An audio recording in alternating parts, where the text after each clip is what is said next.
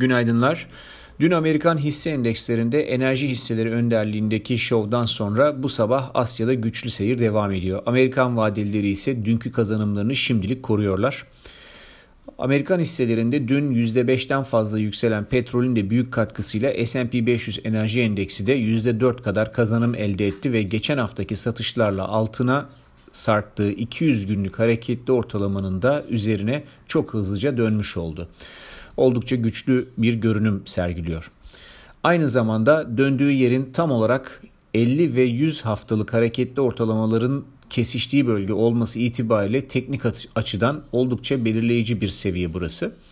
Hatırlanacak olursa bu olasılık tam da 19 Ağustos tarihli sabah notlarında paylaştığımız durumdur. Bu anlamda son iki iş gününde paylaştığımız teknik indikatörlerle enerji hisselerinde alış yapamayanlar geri çekilmelerde alım deneyebilirler. Ancak tekrar hatırlatmakta fayda görüyoruz. Taper konusu yaklaştıkça hisselerde kırılganlık artacaktır. Yine de tahvil alım programına rağmen Baltic Dry Endeksinin 2010'dan bu yana en yüksek seviyesine gelmesini ekonomik toparlanmanın gücü olarak görmek lazım. Hatta e, piyasada bu konuyla ilgili yapılan kritikleri incelediğimizde ekonomik iyileşmenin uzun dönemli olduğunun bir göstergesi olarak görülüyor bu durum.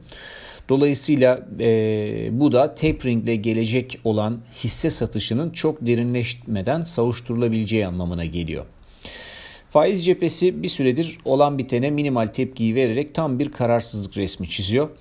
Ama e, kıymetli metallerdeki metallerde dünkü yükselişin karşısında reel getirinin sadece yerinde sayması ve zayıflık göstermemesi hakkında bir şerh düşmek gerekir. Nitekim bu güçlü duruş kısa zaman içerisinde yukarı yönlü bir sıçrama için beklendiğini düşündürüyor.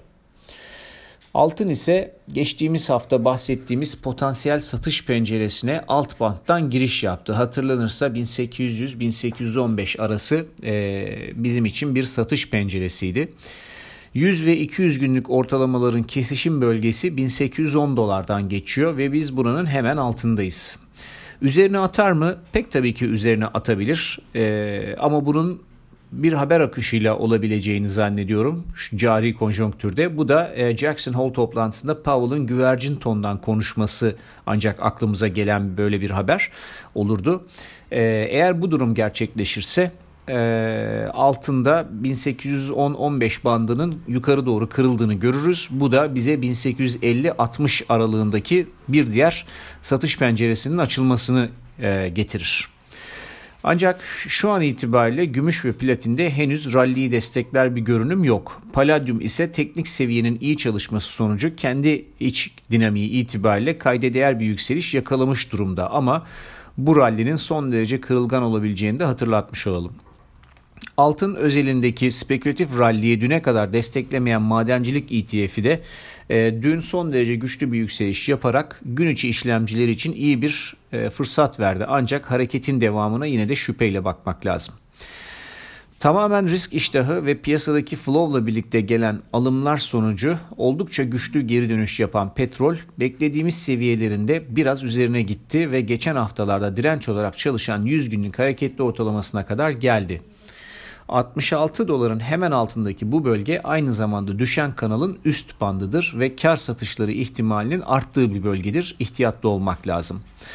Son olarak pariteler tarafında dolar endeksi de e, beklenen geri çekilme, dolar endeksinde beklenen geri çekilme gerçekleşti.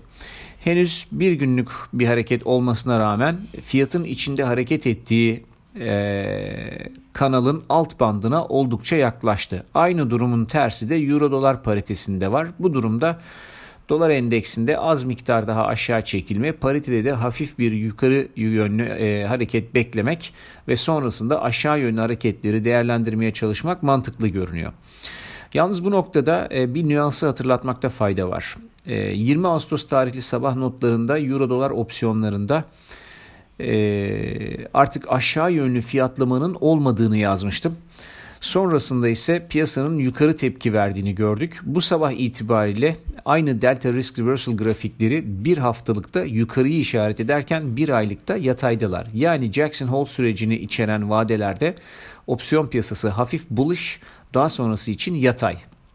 Bu da aslında piyasanın Powell'dan güvercin tonda bir sunum bekle, beklediğini düşündürüyor. Bunların hepsini izleyip göreceğiz. Bugünlük bu kadar. Herkese iyi seanslar.